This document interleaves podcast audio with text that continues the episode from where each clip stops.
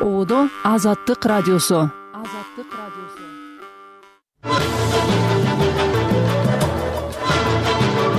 Саламатсызбы? Кечки программаны баштайбыз. Жарым сааттык уктуруунун мазмуну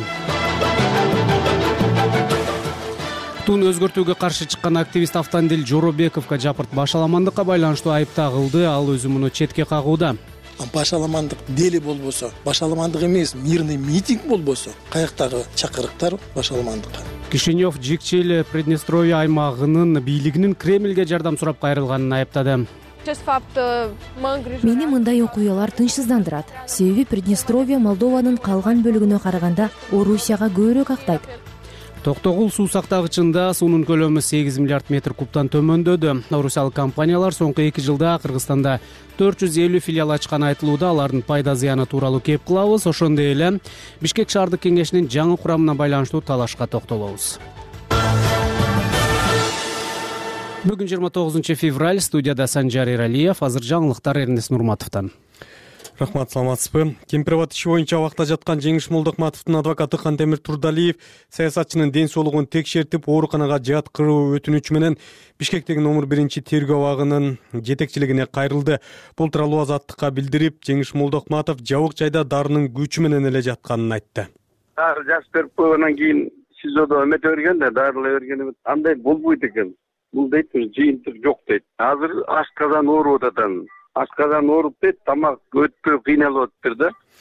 Дейт адвокат кыргыз өзбек чек арасындагы кемпир аба суу сактагычынын жери өзбекстанга өтүп жатканына каршы пикирин билдирген жыйырма жети саясатчы активист жана укук коргоочу эки миң жыйырма экинчи жылы октябрда камалган. Ушул тапта кармалгандардын ичинен он бир киши тергөө абагында калууда. Калгандары түрдүү жагдайда үй камагына чыккан.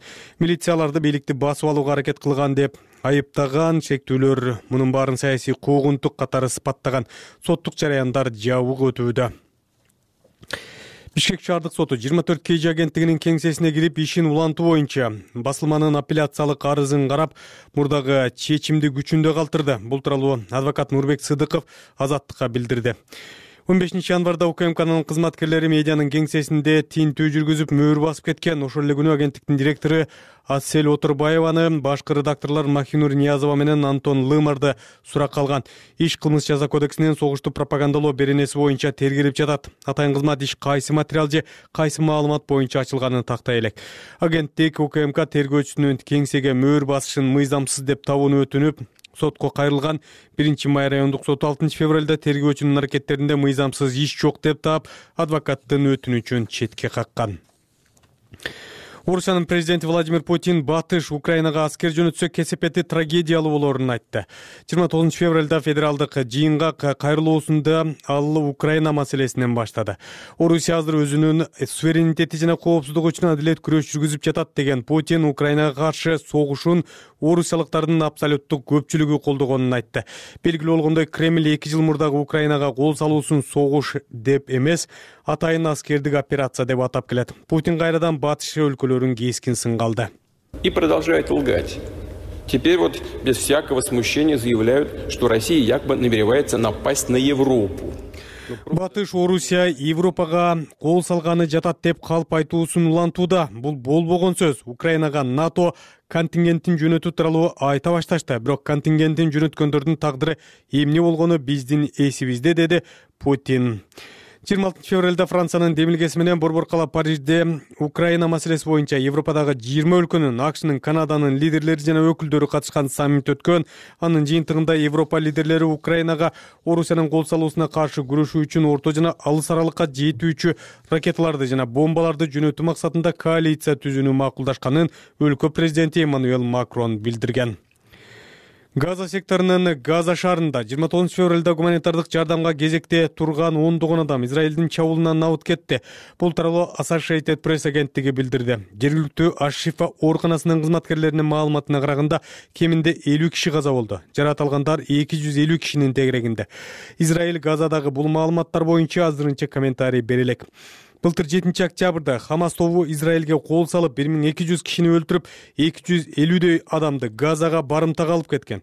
Мындан кийин израиль газа секторунда аскердик операция баштаган. Газанын хамас көзөмөлдөгөн саламаттык сактоо мекемеси ошондон бери сектордо отуз миңге чукул палестиналык жай тургун набыт кеткенин билдирүүдө бишкек шаарынын административдик соту бир мандаттуу номер жыйырма биринчи талас шайлоо округундагы жогорку кеңештин депутаттыгына шайлоонун жыйынтыгын жокко чыгарды. Бул тууралуу бишкек шаардык сотунун басма сөз кызматы маалымдады. Мындай арызды шайлоодо аталган округтан талапкер болгон эмилбек абдыкадыровдун өкүлү жазган. Ал талас шайлоо округунан депутат болуп келген бактыбек чойбеков добуш сатып алганын даттанган бошеком ушул эле арызды жыйырма экинчи февралдагы отурумунда канааттандырган эмес жана э, сотко кайрылса болоорун билдирген. Бактыбек чойбеков эки миң жыйырма биринчи жылы өткөн парламенттик шайлоодо аталган округтан депутат болуп шайланып келген. Ушул эле округтан эмилбек абдыкадыровду ат салышкан ал эки миң жыйырма экинчи жылы февралда бишкектин мэри болуп дайындалып кийин үч айдай президенттин ысык көл облусундагы ыйгарым укуктуу өкүлү болуп иштеген жыйырма тогузунчу февралда бишкек шаардык кеңешинин кеңейген курамы чогула албай шаарга кошулган айыл аймактардын жергиликтүү кеңештеринин төрага төрайымдары жана айрым депутаттары гана келди. Кеңештин төрагасы кубанычбек конгантиев түштөн кийинки отурумда шаарга кошулган аймактардын баардык депутаттарын төртүнчү мартка сессияга чакырууну сунуштап ал колдоо тапты бишкек шаарынын мэри айбек жунушалиев анда түшкө чейинки отурумда тыныгуу жарыяланды деп түшүнүп туруп кеткенин айтып депутаттардан кечирим сурады. Сессиянын түшкө чейинки отурумунда президенттин жарлыгына байланыштуу талаш тартыш чыккан жунушалиев ага ылайык депутаттык корпус кырк бештен эки жүз отуз бешке көбөйгөнүн айтып шаардык кеңештин мыйзам чегинде жаңы курамда иштөөгө чакырган. Мындан соң мэр ордунан туруп жыйындан чыгып кеткен. Президент садыр жапаров былтыр отузунчу декабрда административдик аймактык реформа жүргүзүү жөнүндө жарлыкка кол койгон ага ылайык өлкөнүн дээрлик баардык аймактарында айыл аймактарда көпчүлүгү ирилештирип жаңы аталыштарга ээ болгон жарлыктын негизинде бишкек шаарында чүй облусунун сегиз айыл аймагы жана төрт айыл аймактын айрым айылдары кошулган рахмат эрнест нурматов айтып берүүдө жаңылыктарды кабар макалалардын толук топтому азаттык чекит орг сайтында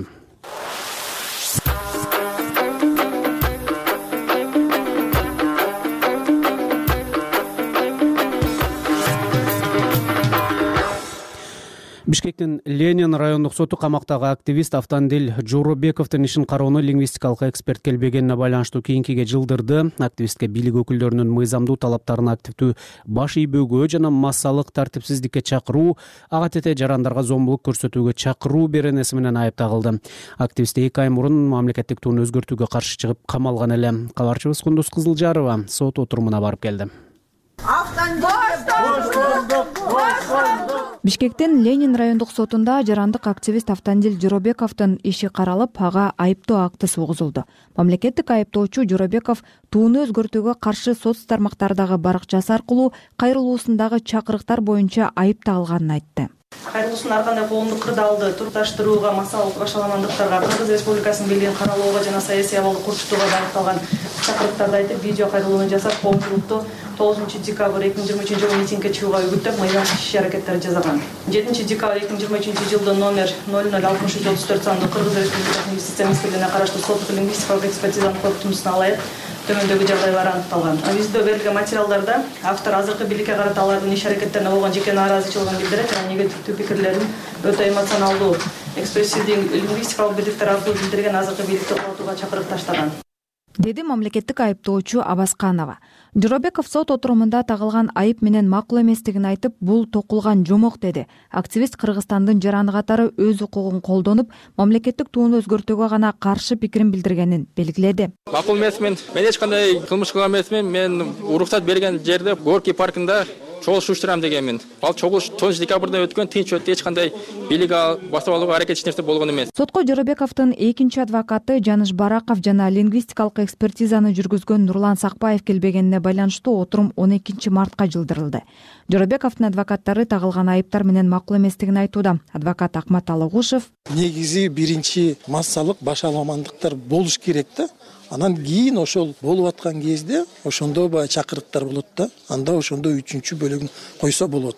А башаламандык деле болбосо башаламандык эмес мирный митинг болбосо бул киши өзү ага катышпаса каяктагы чакырыктар башаламандыкка жоробековго колдоо көрсөтүп сотко келген укук коргоочу рита карасартова активист кайрылуусунда митинг өткөрүүгө уруксат берилген жерге чакырган үчүн эле айыпталып жатканын сынга алды. Эки жүз жетимиш сегиз бул призывы бийликти басып алып неподчинение дегендердин баарын коюп атат. Кайдагы неподчинение баарыбыз көрүп турганбыз да желеке эле тууга эле каршы болгон. Анан парк горькийге чыгабыз деп айткан. Парк горькийге масымактан жашап алгыла деп президент айткан да а эмне үчүн дайыма тандалма саясат болот? Анан ушундай желекти эле коргоп чыккан кишини чашки деп камаса анан башка башка маселелер эмне болот билбейм мында? Рецидивист кылып эле баарыбызды айга учурушат окшойт буларчы. Жоробековдун жакындары өлкө жетекчилерине кайрылып бул ишти калыс карап акыйкат чечим чыгышына жардам берүүсүн суранды. Сагыйда садыкова жоробековдун кайненеси силер ушул автомобилдин ишин жакшылап тактап э, өзүңөрдүн контролуңарга алып эметип берсеңер жакшы болот эле. Силердин айткан сөзүнөн бир шаг же налево же направо кылган жок ошондуктан чоң чоң силерге апасынан сураныч колдоп ошону карап бергиле жакшылап деген. Президенттин кеңешчиси чолпонбек абыкеев баш мыйзамга таянып ачык пикирин айтам дегендер аша чаап кетүүдө деген пикирде. Ал жоробековдун ишин кароодо укук коргоо органдары баардык мыйзамдарды сактап жыйынтык чыгарат деген оюн айтты жеке пикир менен чакырыкташтоону элди көтөрүлгүлө дештин айырмасын билбеген адамдар болот. Көп учурда мыйзамды түшүнбөстүктөн болуп атат да. Укук коргоо органдары тергеп кармап сурак баштаса эле болду. Мен өз оюмду айтканга? Айта бер оюңду. Бирок элди чакырба бийликти кулаталы дебе көтөрүлүшкө чыгалы дебе революция жасайлы дебе. Бул деген бүткүл дүйнөдө ошондой болот. Буга чейин жоробековдун адвокаттарынын бири жаныш бараков анын ишин сотко өткөрүүдө мыйзам бузууга жол берилгенин айткан бараковдун айтымында экинчи февралда свердлов райондук сотуна түшкөн кылмыш иши ошол эле күнү ленин райондук сотуна токтом менен жөнөтүлгөн. Мындан улам адвокаттардын алдын ала угууларды өткөрүү боюнча өтүнүчү эки сотто тең каралбай калган. Анда жактоочулар камактагы активистти үй камагына чыгарып техникалык экспертиза алынган компьютерлерде эч нерсе таппагандыктан аларды далил зат катары карабоону өтүнгөн. Адвокат активист бир гана лингвистикалык экспертизанын жыйынтыгы менен кармалып иш козголгонун экспертиза эреже бузуу менен өткөнүн бул мыйзамсыз экенин билдирүүдө. Мамлекеттик тууну өзгөртүүгө каршы чыккан активист автандил жоробековдун камалганына эки айдан ашты анын бөгөт чарасы узартылып он үчүнчү апрелге чейин камакта калган. Кундуз кызылжарова азаттык бишкек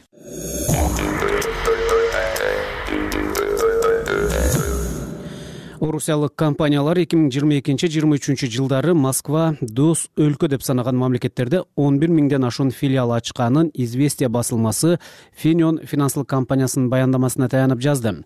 Анын ичинде кыргызстанда төрт жүз элүү филиал ачышканы айтылат. эки миң жыйырма экинчи жылы орус аскерлери украинага басып киргенден бери москвага улам жаңы санкциялар салынууда.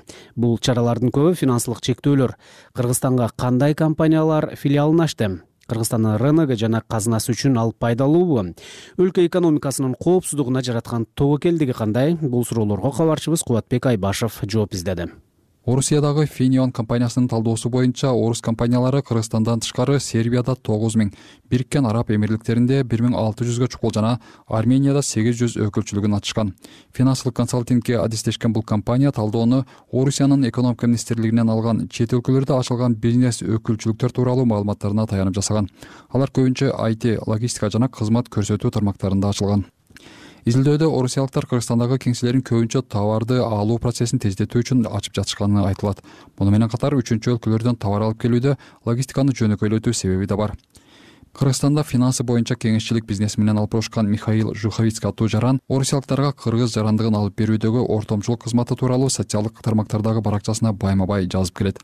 Аларда орусиянын ишкерлери менен ири компаниялары кыргызстанга кантип жер которуп жатканы тууралуу маалыматтар көп кыргызстандын жарандыгы боюнча кеп кеңештерге барган сайын ири деңгээлдеги бизнестин ээлери көп кайрылып башташты. Ушул жумада ар кандай айти монстрлардын көп миллиарддуу компаниялардын кожоюндары кайрылышты. Аларды дароо эле бизнесин жарым жартылай жер котортуу бишкек эркин экономикалык аймакта юридикалык жактарды ачуу салыктык жеңилдиктер криптовалюта боюнча мыйзамдар жана башкалар кызыктырып жатат бүгүнкү күнгө карай жогорку технологиялар паркында мурда орусиянын айти тармагында иштеген жүздөгөн компаниялар миңдеген кызматкерлери менен бар. Деп жазган он экинчи февралдагы соңку постунда. Орус армиясы украинага кол салгандан тарта орусиялыктардын кыргызстанга ири агымы пайда болгон. Осо kg порталынын отчету боюнча эки миң жыйырма экинчи жылы кыргызстанда чет элдиктердин катышуусунда эки миң алты жүз тогуз фирма катталган. Андан бир жыл мурда бул көрсөткүч бир миң бир жүз отуз тогуз болчу соңку эки жыл ичинде жаңы катталган фирмалардын олуттуу бөлүгүн орусиялыктар катышкан ишканалар түзөт. Алардын айрымдары экспорт импорт менен шугулданып жатышканын ондоп жана жүз миллиондоп төгүп жаткан салыктар менен бажы төлөмдөрүнөн көрсө болот.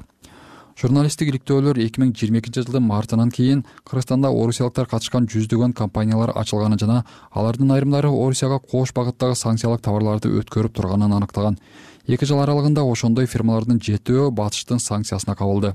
Евро биримдик менен акшнын бийликтери кыргыз өкмөтүнө эл аралык санкциянын эрежелерин бекем сактоого тынымсыз чакырып келет.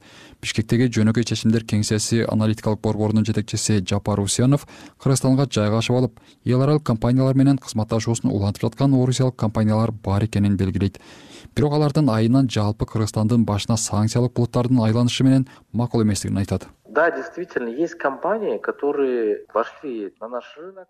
Ооба чындыгында биздин рынокко кирген компаниялар бар. Азыр катталып жатышат. Ошол эле маалда алардын тамыры орусияда жайгашкан. Алар биздин бир кыйла либералдуу мыйзамдарыбызды колдонуп үчүнчү өлкөлөргө реэкспорт жасап жатышат. Мындай көрүнүш бар.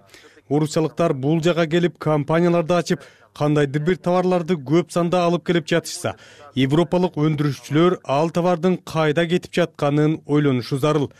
Эмне кыргызстан ушундай эле чоң өлкөбү бул жакта компанияларды ачып жаткан орусиялыктардын ишканалары алар менен мурда деле иштеп келген. Болгону орусиядан иштешкен. Алар болгону тигил жактагы компанияларын жаап салып бизге келип башкасын ачып алышты. Санкцияны болсо кыргызстанга салгысы келишет. Менимче бул жерде кандайдыр бир адилетсиздик бар но санкции хотят на кыргызстан ввести. Я думаю что здесь есть некая несправедливость. Эки миң жыйырма экинчи жылдын февралынан бери туташ санкцияларга кабылып эл аралык коомчулуктан обчуланып калган орусия өзүнө дос өлкөлөр аркылуу жарыш импортун ишке киргизген. Дос өлкөлөрдүн ичинде кыргызстан да бар. Эки жылда кыргызстандын батыштан импорту кескин өстү. Эки миң жыйырма экинчи жылдагы соода саттыктын статистикасында орусияга экспорт эки жарым эсеге көбөйүп анын олуттуу бөлүгү жеңил өнөр жай жана электрондук товарлардын экспортунан турары байкалган кубатбек айбашов азаттык жыйырма сегизинчи февралда борбор шаар жикчил э, приднестровье аймагынын бийлиги молдованын кысымынан коргонууну коргоону сурап орусияга кайрылды. Кишинев э, тирасполдун билдирүүсүн пропагандачыл деп аяптады украинадагы согуш башталгандан бери москва орус тилдүү калкты коргоо шылтоосу менен э, приднестровьени оккупациялап алат регионду түштүк батышта жаңы фронт ачуу үчүн пайдаланышы мүмкүн деген кооптонуу айтылып келатат. Бул темага айнура жекше кызы кайрылат жыйырма сегизинчи февралда борбор шаар тирасполдо чогулган жергиликтүү депутаттар молдова аймакты экономикалык блокадага алып басым кысым көрсөтүп келатат деп москвага даттанышты жана жардам сурашты. Кишинев анын алдында эле курултайды афера деп атаган. Буга чейин маалымат каражаттары депутаттардын жыйынында регионду орусиянын курамына кабыл алуу кайрылуусу кабыл алынаарын жазышкан бирок жергиликтүү бийлик муну четке каккан. Орус тышкы иштер министрлиги дароо реакция билдирип кайрылуу каралаарына убада кылды интерфакс агенттиги мекеме өкүлүнүн приднестровье жашоочуларынын журтташтарыбыздын кызыкчылыктарын коргоо биздин приоритеттердин бири деген сөздөрүн келтирет. Молдованын президенти майя санду приднестровье орусиядан жардам сураган күнү албанияда батыш балкан лидерлеринин жыйынына катышып украин президенти владимир зеленский менен кездешкен. Анын алдында азаттыктын молдова редакциясына берген интервьюда ал кишинев көптөн бери токтоп турган жаңжалды тынч жол менен чечүүгө региондун экономикалык реинтеграциясына дилгир экенин билдирген. Жикчил аймактын орусиядан жардам сураганы молдованын тургундарын түйшөлтпөй койбойт.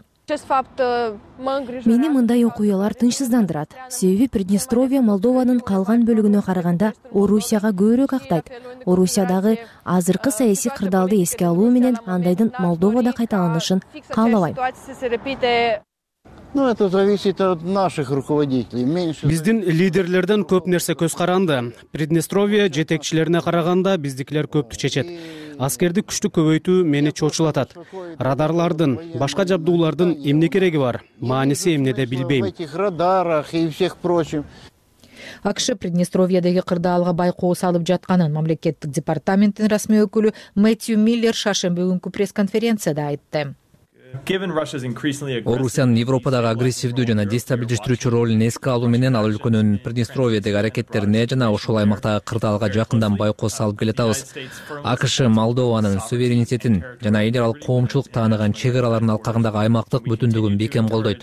Кишинев менен тирасполдо днестрдин эки жээгиндеги тең маселелерди чечүү үчүн биргелешип иштөөгө чакырып келатабыз ссср ыдырагандан бери приднестровияны иш жүзүндө орусиячыл күчтөр көзөмөлдөгөнү менен эл деңгээлде чөлкөм молдованын бөлүгү болуп саналат. Регион калкынын көбү орус тилдүүлөр. Акыркы жолу приднестровиянын депутаттары эки миң алтынчы жылы курултайга чогулганда орусияга кошулуу референдум өткөрүүлөрүн жарыялашкан. Добуш берүүдө көпчүлүк тургундар ал сунушту колдогон бирок алардын өтүнүчүн москва жоопсуз калтырган токсон экинчи жылы куралдуу жаңжал тутанганда региондо бир миңден ашуун киши набыт болгон эки миңдейи жараланган. Ошондон кийин приднестровияга бир жарым миң орус аскери жайгаштырылган. Аймакта эл аралык коомчулук тааныбаган приднестровия молдова жумурияты жарыяланган. Кишинев орусиялык контингенттин жайгаштырылышын мыйзамсыз деп атап аларды чыгарып кетүүнү талап кылууда орус бийлиги ал талаптарды көз жаздымда калтырып келатат.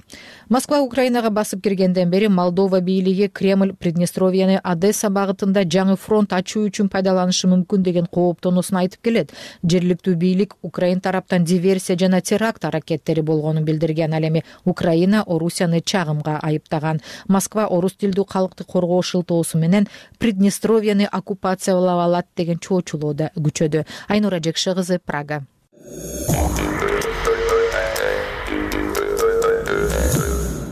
административдик аймактык реформанын алкагында аймагы кеңейген бишкек шаарынын жергиликтүү депутаттарынын саны эки жүз отуз бешке көбөйдү. Буга борбор калаага жаңы кирген айыл округдарынын эл өкүлдөрү э, борбор каланын кеңешине кошулушу себеп болду. Жогорку кеңештин дээрлик төрт эсеге көп сандагы шаардык кеңештин жыйындары ишмердиги кантип жөнгө салынат түмөнбай абденеби уулу сөз кылат.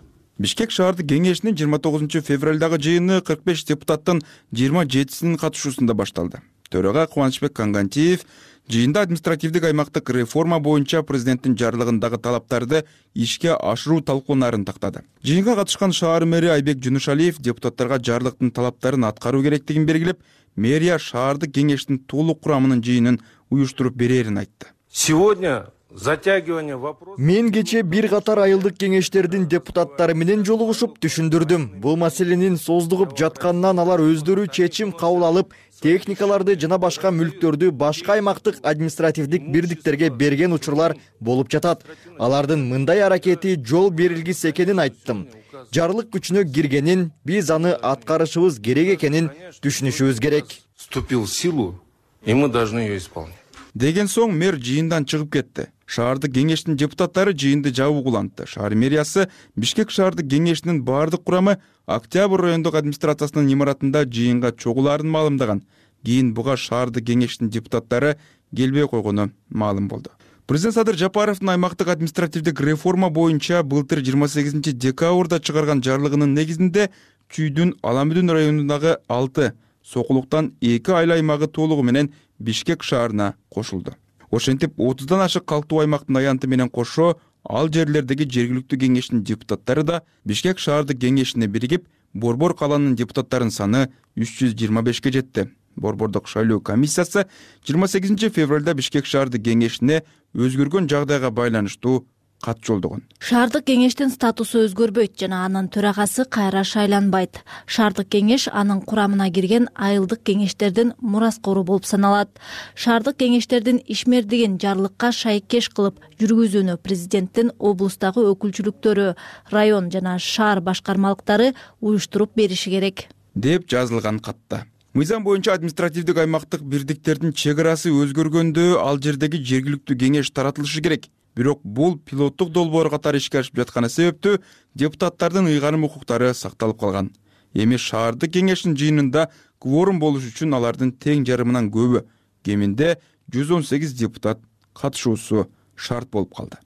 Өкмөт мындай жагдай убактылуу экенин белгилеп жергиликтүү кеңештердин ишмердигин жана санын аныктаган мыйзам долбоору сунуштала турганын айтууда. Министрлер кабинети ушул жыйырма төртүнчү жылдын биринчи июнуна чейин мыйзам долбоорлорун жогорку кеңешке киргизиш керек. Бул деген сөз ушул июнь ичинде жогорку кеңеш карайт деген негиз болуш керек. Мына ошондо министрлер кабинети биринчи июнга чейин мыйзамдардын долбоорун иштеп чыгып деди мамлекеттик кызмат жана жергиликтүү өз алдынча башкаруу иштери боюнча мамлекеттик агенттигинин жергиликтүү өз алдынча башкаруу башкармалыгынын башчысы мыктыбек өмүрзаков. Шаардык кеңеш президенттин жарлыгын ишке ашыра турганы жана ишмердигин бишкекке кошулган калктуу аймактардын депутаттары менен бирге улантуу боюнча маселе каралып бүткөнү кабарланды. Айылдык кеңештердин төрагалары баары катышты. Баары катышып кворум болуп баардыгы таанышуу иши менен э, төртүнчү мартка мына сессия коюлду. Деди шаардык кеңештин депутаты рыспай аматов. Буга чейин бишкек жана ош шаарларынын мэрин шаардык кеңештин депутаттары шайлап келген болсо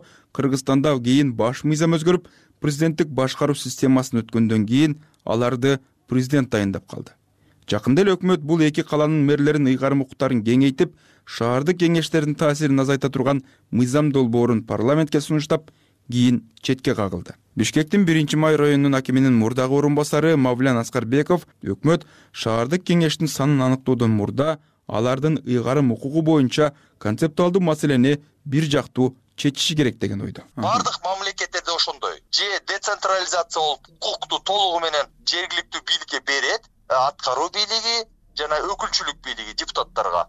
Же болбосо бийлик э, централдаштыра алат дагы анда айтат. Бизге депутаттардын кереги жок. Мына э, аткаруу бийлиги болот. Биз аны өзүбүз коебуз өзүбүз көзөмөлдөйбүз өзүбүз иштерди жүргүзөбүз деп. Түмөнбай абдинаби уулу азаттык бишкек токтогул суу сактагычында суунун көлөмү сегиз миллиард метр кубтан төмөндөдү. Февралдын соңу кыргызстандын аймагында катуу суук менен коштолууда. Мындай учурда электр энергиясынын керектөө дагы кескин өсөт. Ушул тапта өлкөнүн ар кайсыл аймактарында жарык өчүп жатканына даттангандар болууда.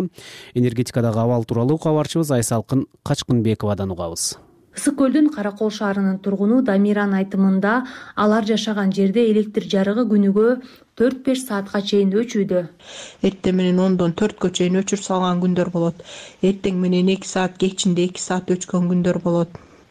Түнкүсүн кээде өчүп кайра күйгөн күндөр болот. Азыр кара кол шаарында көп кабаттуу үйлөрдө көбүнчө э, отопление жок үй бат эле муздап калат деди ал бул маселени жогорку кеңештин депутаты эмил токтошов дагы көтөрдү. Мен айтат элем ушу министрликтин маалымат кызматы барбы же жокпу? Булар эл менен иштейби иштебейби эмне үчүн убагында маалымдабайт? Болбосо мен жарандарга айтып кайрылат элем силер дагы анда сотко бериңиздер. Силер соттон жеңесиз деп атасыздар убагында электричествону өчүрүп койсо убагында бербесе силер толук э, ошол жабыркаган ошол жерде э, кеткен чыгымдарды өндүрүп алганыңызга силердин укугуңузда бар. Ошон үчүн сотко бериңиздер буларды ошондо гана булар эсине келет окшойт менимче. Деди депутат токтошов улуттук электр станциялар ишканасынын басма сөз кызматкери элзада саргашкаева катуу суу уланып жаткандыктан электрде керектөө көбөйгөнүн тармакка күч келип жатканын билдирди. Негизинен биздин компания кыргызстан улуттук электр тармагы ачык акционердик коому күз кыш мезгилине жакшы дайындык көргөн мындай чоң жүктөмдөргө дайындык бар болчу бирок февраль айынын акыркы күндөрүндө катуу суук болуп кетти. Биздин калк көмүрү түгөнүп баягы кайра көмүр сатып албастан ушу көбүн эсе электр жабдыктар менен үйлөрүн жылыта башташты да. Анан бир эле учурда көп жабдыктарды сайып алганда өзгөчө ушу эртең мененкисин же болбосо кечкисин бизде линияларда нагрузка болуп ошо жабдыктарыбызга күч келип өчүп калып атат да. Деди саргашкаева электр жарыгынын өчүп жатышына электр шаймандарынын эскилиги жетип жапырт колдонулган күчтү көтөрө албай жатканын кара колдун тургуну бакыт мамаев айтат. Ал жарандар кырдаалды түшүнүү менен кабыл алып бир сааттык өчүрүүгө чыдап туруш керек деген пикирде булар эгерде мындай разгрузка кылбаса бирок чындап эле свет таптакыр трансформатор жарылып кетсе стройдон чыгып кетсе биз бир саат эмес бир айлап светти жоготуруп калыш да мүмкүн экенбиз да. Пока ошо жаңы трансформаторлор келмейинче заменага. Анан биздин өкмөт ошол жаңы трансформаторлорду качан берет эмне кылат аны да бир кудай билет. Ошондуктан менен туура бир чети неудобно болуп атат. Бирок эртеңки күндү эле ойлош керек го деп мындай мен бул жеке өз пикирим бир сааттан өчкөн эле туура эле го эмче такыр бир айлап свет жоготургандан көрө. Дейт мамаев соңку маалыматтарга таянсак токтогул суу сактагычында жыйырма тогузунчу февралга карата жети миллиард тогуз жүз алтымыш жети миллион метр куб суу калды. Бул өткөн жылдагы көрсөткүчтөн бир топ аз. Өткөн жылы ушул учурда сегиз миллиард жүз кырк беш миллион метр куб суу болгону көрсөтүлгөн. Суунун аз топтолушу кыргызстанда электр энергиясынын тартыштыгына алып келүүдө. Кыргызстан таңкыстыкты жабуу үчүн түркмөнстан өзбекстан жана казакстандан электр тогун импорттоп жатат. Быйыл ага кошумча орусиядан сегиз жүз жетимиш миллион киловаттан ашуун электр кубатын импорттоду. Айсалкын качкынбекова азаттык ысык көл азаттык социалдык түйүндөрдө фейсбукта кыргыз азаттык үн алгысы threads жана инстаграмда азаттык чекит kg тик токто азаттык чекит орг. Телеграмда жана твиттерде азаттык радиосу. Ал эми орусча баракчаларды азаттык медиа деп издеңиз дүйнөдөгү жана кыргызстандагы окуяларга биз менен бирге назар салыңыз. Жаңылыктар видео жана сүрөт баяндар сиздин алаканда